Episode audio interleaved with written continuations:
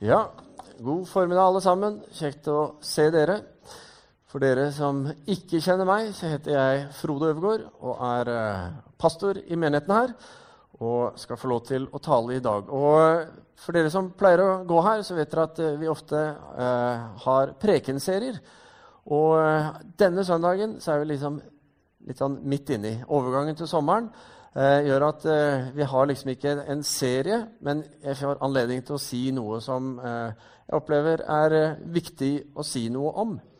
Eh, og da har jeg lyst til å snakke om eh, relevant kirke. for deg som har lyst til å følge litt med underveis, så var det en sånn liten innstikk i bulletinen. Du kan følge litt med, notere litt osv. Men jeg er opptatt av relevant kirke. Og jeg er opptatt av hvordan vi kan gjøre menighet og kirke eh, på en relevant måte for mennesker i dag. Altså, Hvordan kan vi ta det som er kjernen i hva Kirken representerer, eh, og formidle det til mennesker i dag på en måte som gjør at de opplever at dette er noe for dem, dette er noe de vil ha, noe de vil eh, gjerne komme tilbake til Kirken for å få mer av det. Og jeg tror Svaret vårt på det spørsmålet er på mange måter et være eller et ikke-være for Kirken i dag. For Kirken den eksisterer for én grunn alene, og det er å lede mennesker til den levende, evige Gud. Eh, han som har gjort alt i sin makt for at alle mennesker skal få lov til å eh, ha fellesskap med Han. Han er skaperen av alle mennesker, og Bibelen forteller at eh, Gud har lagt en bit av evigheten ned i alle menneskers hjerte. Så det er en lengsel i alle mennesker etter dette fellesskapet med Gud. Eh, men hvis Kirken ikke lykkes i å nå ut til mennesker på en slik måte at det fører andre mennesker nærmere Gud, så eh, har den jo på mange måter mislyktes i forhold til det som er kallet sitt. Eh, uansett hvor sant det er at Gud er levende, og at han er frelser og skaper alt det, hvis ikke vi lykkes med å formidle det på en måte som gjør at folk forstår det og tar det imot og vil ha mer av det, så blir Kirken irrelevant i menneskers liv i dag. Og Det er avgjørende for oss som kirke å gjøre det vi kan for at vår formidling og vår representasjon av hvem eh, den evige og sanne Gud er, at vi gjør det på en måte som er så relevant som mulig. For vi er Guds representanter, og vi har fått et oppdrag om å gi eh, budskapet om Jesus Kristus, evangeliet, ut til alle mennesker, så mange som mulig. Så spørsmålet er hvordan kan vi gjøre dette på en måte som gjør at mennesker vil ha det, at de vil søke til Gud. Jeg tror det handler om å gjøre eh, det relevant for dem. At de kjenner seg igjen og har lyst til å komme. Jeg har bare lyst til å si Det at det som vi i Kirken automatisk kanskje tenker på som relevant i forhold til kirke og gudstjeneste, og alt dette, er eh, antagelig ikke det samme som det de utenfor, som ikke går i kirken til daglig, opplever som relevant. For Hvis det var sånn, så hadde vi jo eh, hatt mange gudstjenester hver søndag for å eh, nettopp møte alle de som kom for å høre. Og eh, som pastor så nekter jeg å tro at der vi eh, er i dag, og det vi lykkes som kirke, ikke bare her i Misjonskirken, men som kirke i Norge, at der vi er nå, at det er det beste vi kan gjøre. Jeg tror Gud er mye større, og jeg tror Gud kan nå mye lenger inn i menneskers liv. Eh, og Paulus han trodde også det. Og han sier i 1. Korinterbrev eh, at for alle er jeg blitt alt, for på alle mulige måter å frelse noen. For alle er jeg blitt alt, for på alle mulige måter å frelse noen. Så Paulus' metode når han skulle formidle evangeliet på sine misjonsreiser, når han reiste rundt og bygde menigheter og eh, fortalte om Jesus, det var å gjøre alt han kunne om å strekke seg så langt som mulig for at det budskapet han har, skulle nå inn til de han var hos. Og For de som kjenner teksten videre, så snakker han om at, at han var uten lov for de som var uten lov, og med lov for de som var med lov. Eh, og, og si, ja, han gjorde alt han kunne for å nå ut.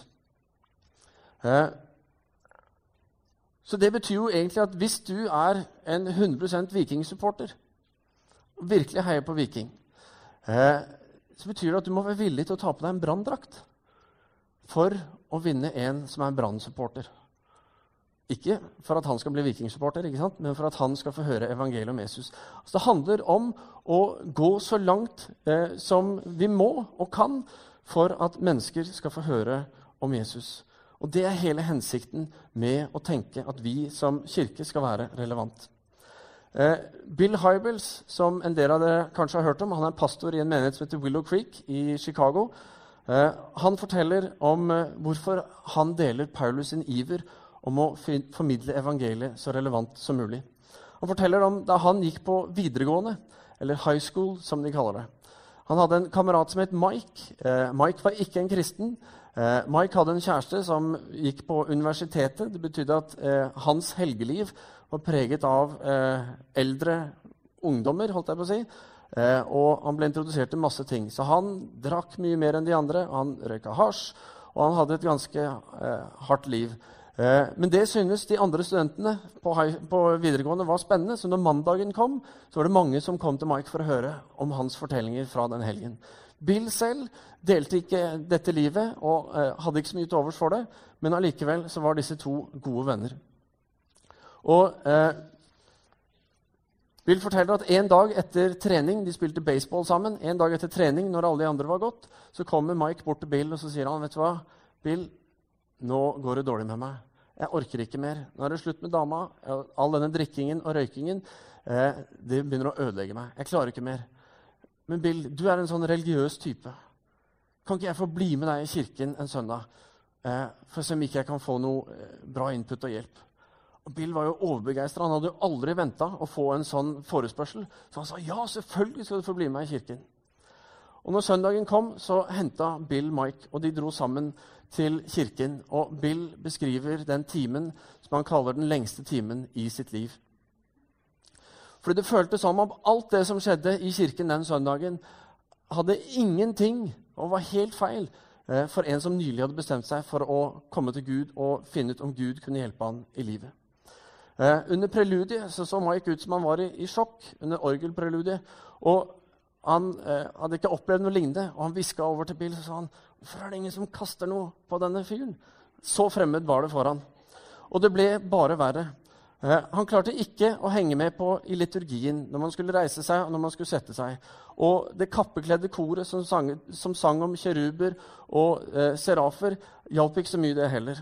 Han klarte heller ikke å henge med på opplesningen av trosbekjennelsen, for den kunne han ikke. Og eh, for ikke snakke om når de leste opp de ti bud, som de faktisk gjorde. Eh, var ille for han. For han visste når han hørte dette, at han hadde brutt alle disse budene. Mike. Og han følte seg ganske utilpass.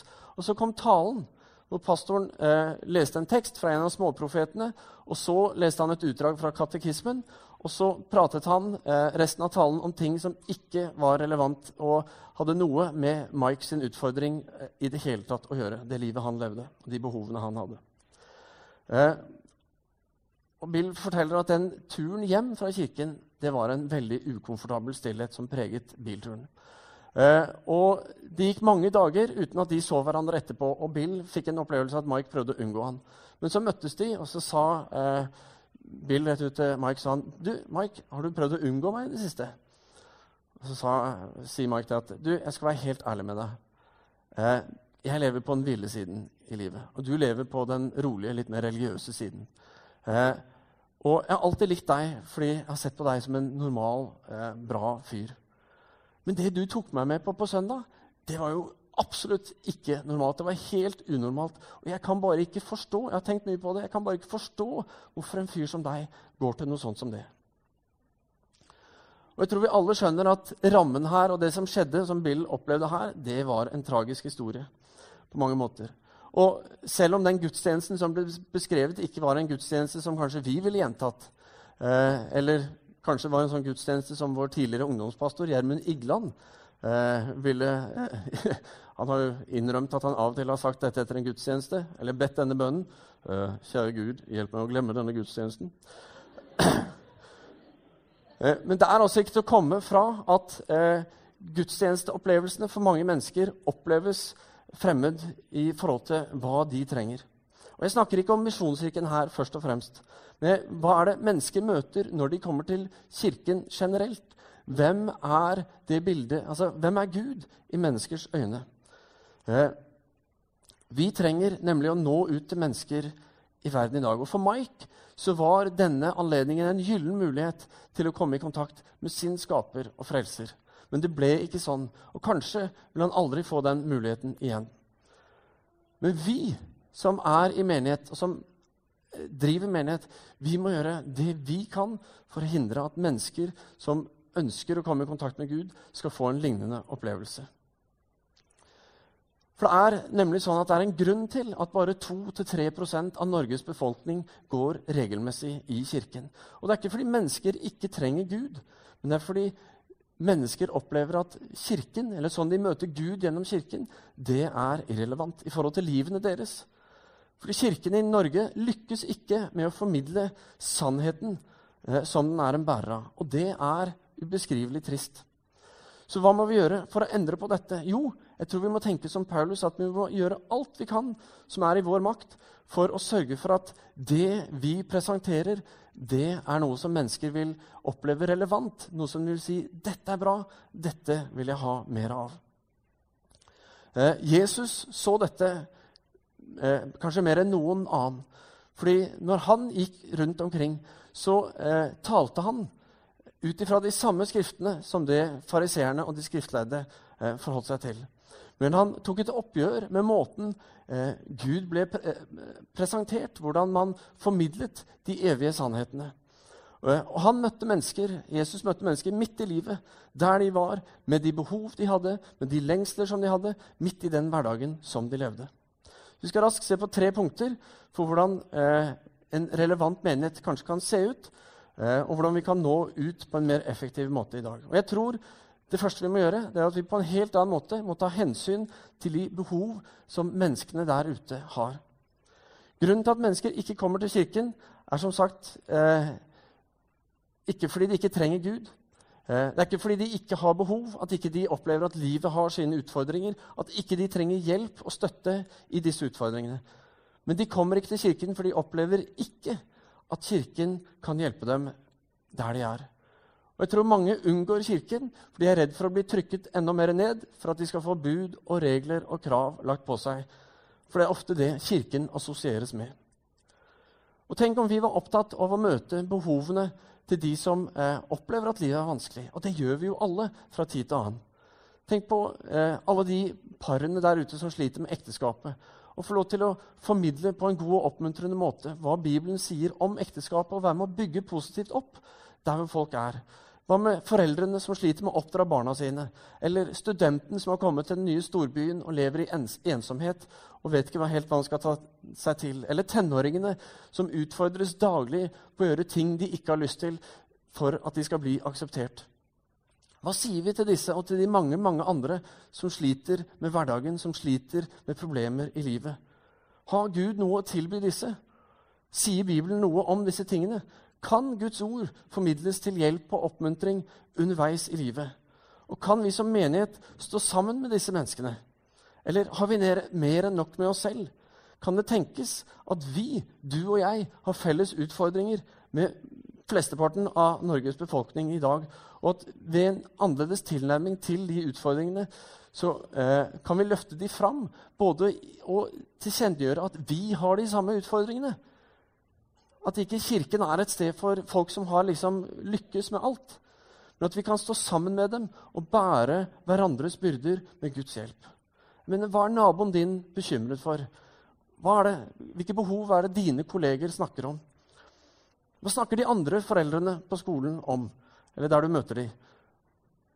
Hvor er, de, eh, altså, hvor er det dine venner begynner å miste troen på tilværelsen? Og så videre, og så videre. Og tenk om vi kunne lage en eh, kirke som møtte mennesker der, og som gjorde det relevant, fordi det de hørte, var noe de trengte å høre, og som de ville høre, fordi de trengte hjelp inn i den hverdagen de var. Hvordan kan vi lage en gudstjenesteerfaring som eh, som adresserer disse tingene og gjør det i en relevant ramme?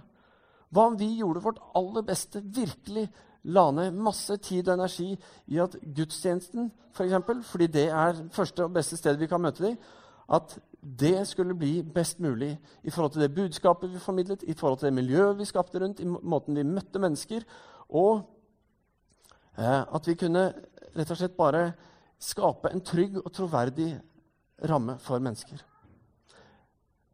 Eh, da vi, i, eh, vi i staben, vi som jobber i kirka her, var i eh, Minneapolis og besøkte Eaglebrook Church her i vinter, så kom vi til en menighet som var midt inn i en prekenserie som de kalte 'Raising Amazing Kids', eller 'Å oppdra fantastiske barn'.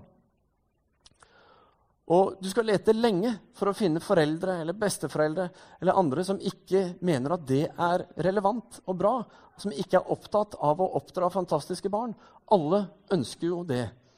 Og Derfor så var det noe som appellerte. Og når jeg satt der, så ble jeg ikke bare slått av hvor bra jeg selv syntes at dette var. Både fordi det som ble sagt, talte til meg som far til tre, men også fordi jeg som pastor og teolog eh, likte måten de formidlet Guds ord inn i disse tingene på. Men det som traff meg mer enn noe, som var den største opplevelsen eh, for meg, det var at når jeg satt der, så satt jeg og tenkte på mine venner som ikke går i kirken. Så tenkte jeg dette hadde de likt å høre. De hadde kommet neste gang også for å få med seg resten av dette. Så bra var dette. Og for meg så rørte det ved det dypeste kanskje behovet jeg har i forhold til min jobb som pastor og eh, min eksistens holdt jeg på å si, som medlem av menighet. Og det er å være med i og å bygge en menighet som vi med glede og frimodighet kan invitere våre venner til, og naboer og kolleger, og si 'Kom til kirken. Dette er bra.' Her er det noe som vi alle har glede av og trenger å høre. Og det haster, fordi vi kjenner ikke morgendagen. Verken vår egen eller andres. Så vi er nødt til å starte nå. For vi har mistet altfor mange allerede så langt som vi er kommet. Og nå skal vi eh, se på en musikkvideo. Eh, og, fordi den sier noe om dette. Sier noe om eh, menneskene og hvilken situasjon de er i, og hvordan det haster å nå ut med evangeliet. Så eh, teksten den er oversatt til norsk på det arket du har fått. Men prøv å se filmen, for den kommuniserer noe. Og så kan du se på teksten etterpå. Snurr film.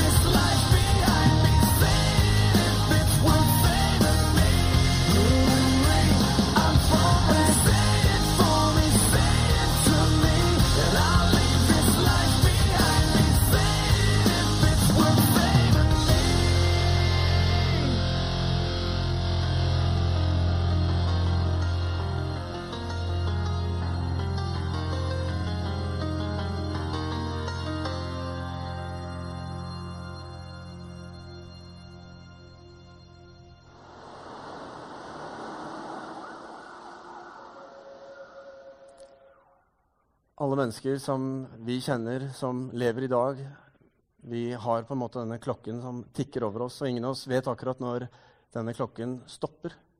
Derfor haster det med å lykkes med det kirka handler om, å nå ut til flest mulig på en best mulig måte. Det er det som er hensikten med å drive menighet.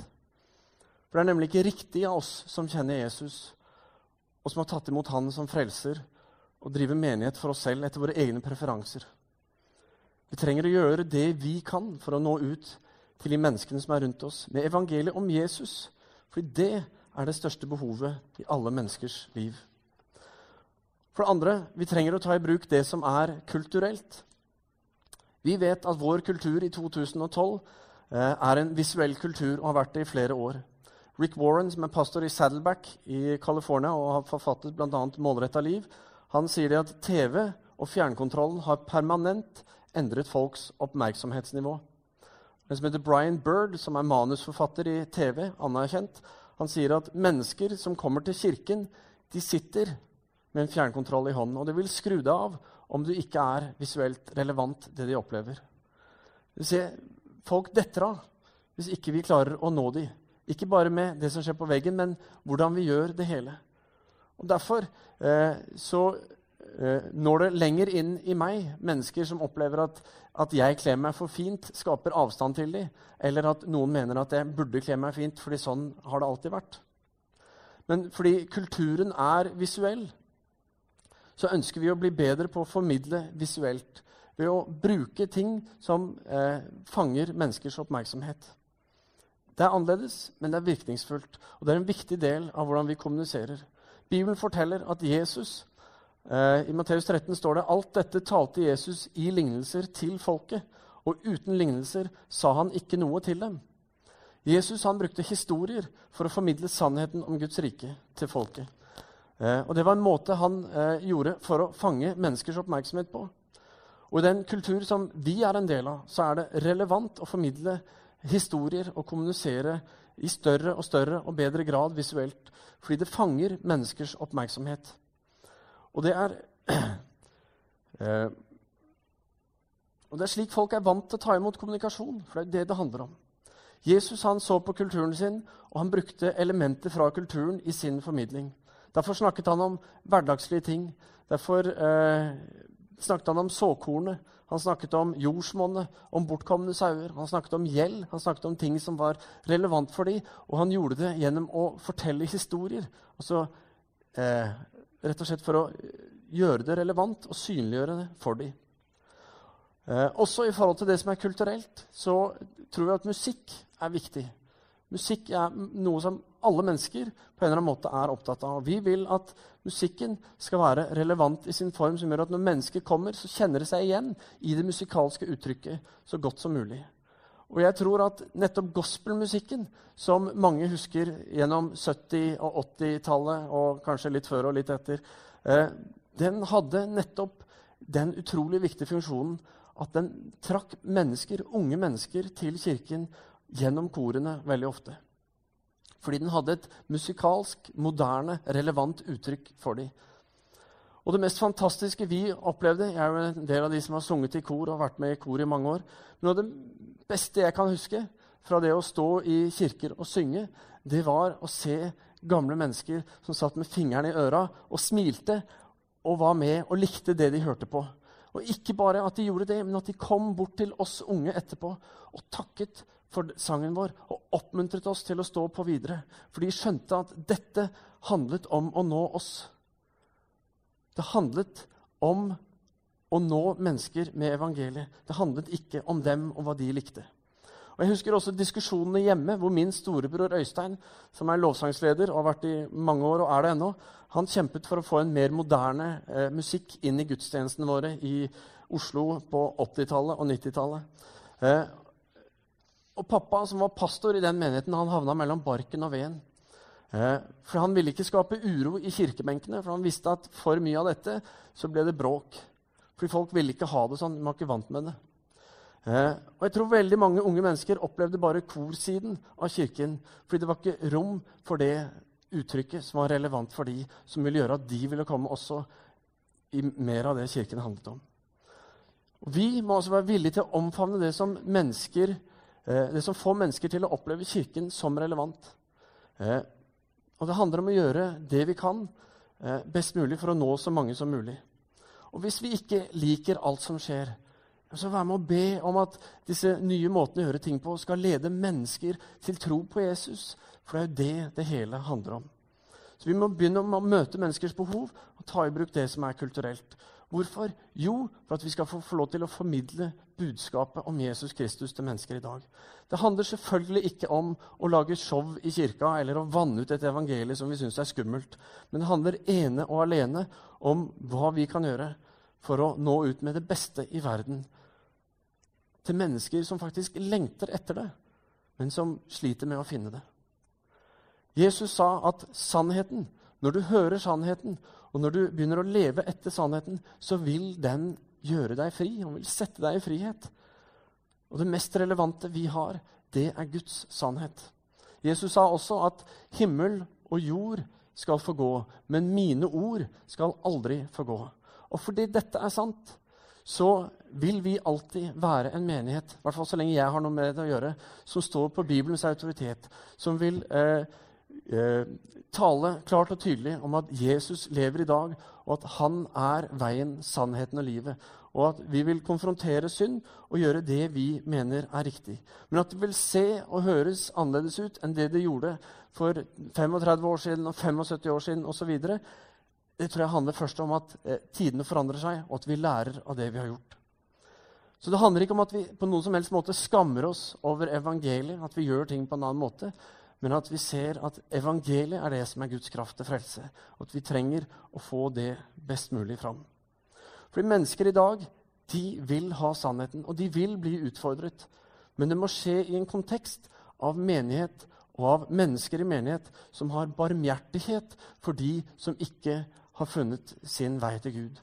Som eh, lengter etter å skape et plass hvor mennesker kan få lov til å møte Jesus. At de er villige til å gå en ekstra mil med mennesker heller enn å si sånn står det, sånn må du gjøre det. Take it or leave it. Jesus gjorde dette mer enn noe annet. Kvinnen ved brønnen hun var utstøtt i det samfunnet hun tilhørte. Men Jesus han tok tid til henne, og han fikk lov til derfor å fortelle henne sannheten. Og det satte henne fri. Kvinnen som ble grepet i ekteskapsbrudd, møtte barmhjertighet og nytt liv der hvor de religiøse lederne krevde offer og død. Og Alle de menneskene som lever rundt oss i dag, og som vi er kalt til å nå ut til, de fortjener den samme barmhjertigheten. De fortjener at vi gir dem den oppmerksomheten som skal til for at de får del i det som Jesus kom for å gjøre, nemlig å frelse alle. Og når alt kommer til alt, så er sannheten det eneste som betyr noe. Men hvis den rammen vi inviterer til, er eh, gammel og utdatert og ikke kommuniserer, som, altså at måten vi gjør det på, hindrer mennesker i å få ta det imot, så trenger vi å gjøre noe med det. Fordi det er sånn at det er for mange mennesker som har gått fortapt allerede. Og Norge i dag har mistet en hel generasjon og kommer til å miste neste. Hvis ikke vi begynner å handle på andre måter og se hva kan vi gjøre for å nå flest mulig. Og det krever at vi må gå noen runder med oss selv. Det krever at jeg må gå noen runder med meg selv. Ikke tro at jeg er en sånn derre 'Å, endring er fint. Kom igjen, la oss gjøre alt annerledes.' Eller at uh, alt det vi snakker om å gjøre, handler om hva jeg ønsker. For det er ikke det det er snakk om. Men det handler, om, for det handler ikke om meg. Det handler ikke om oss som har fått ta imot Jesus. Derfor sa Jesus at 'jeg har ikke kommet til de friske'. Eller 'jeg har ikke kommet for de rettferdige', men det er de syke som trenger hjelp. Det er de. Derfor gjorde Jesus det annerledes. Og derfor trenger også vi å se hvordan kan vi gjøre det annerledes for at mennesker skal få lov til å komme i fellesskap med Jesus, få lov til å lære av han, få lov til å komme til tro på han og få evig liv med han, skal vi be. Kjære himmelske Far. Takk for at uh, du er verdens lys. Takk for at du er verdens håp. Takk for at uh, du er uh, veien, du er sannheten, og du er livet. Og det er sant her at ingen kommer til Faderen uten ved deg. Og det er sant, her at du har gjort alt du kan. Du har gått i døden og stått opp igjen fra døden for at alle mennesker skal få lov til å leve i fellesskap med deg. Få lov til å komme til tro på deg, få lov til å få tilgivelse for sine synder. Få lov til å bli satt i frihet, Herre, og få bli både rettferdiggjort og helliggjort gjennom livet sammen med deg. Og Herre, legg det på oss, Herre. Fyll oss med barmhjertighet for de menneskene, Herre, som ikke har fått ta imot deg. Fyll oss med en lengsel etter å se hva kan vi gjøre for at disse skal få lov til å komme i kontakt med ditt ord, få lov til å eh, lytte til sannheten og begynne å følge den gradvis til en dag ser at dette er sant, dette vil jeg tro på. Dette er det som er eh, sannheten i livet. Herre, takk for at du har gitt oss alt dette. Takk for at du har kalt oss til å gå ut med det beste i verden. Så hjelp oss, Herre, både å se hvor viktig dette er for oss, sånn at du kan vokse i oss, og at hvor enda viktigere holdt på å si, det er for de som ikke har fått sagt ja til deg. Sånn at uh, mennesker kan bli frelst, og at vi kan få lov til å være med og ta mennesker med inn i evigheten i fellesskap med deg. Du som er vår skaper og frelser. Du som er herre overalt. Herre, du utfordrer oss, men du gjør det fordi du inviterte oss først. Hjelp oss, Herre, å ta imot din utfordring, sånn at flere kan bli invitert med. Herre, takk for det du kaller oss til, og takk for at vi får tilhøre deg og være dine barn. Ved Jesu navn. Amen.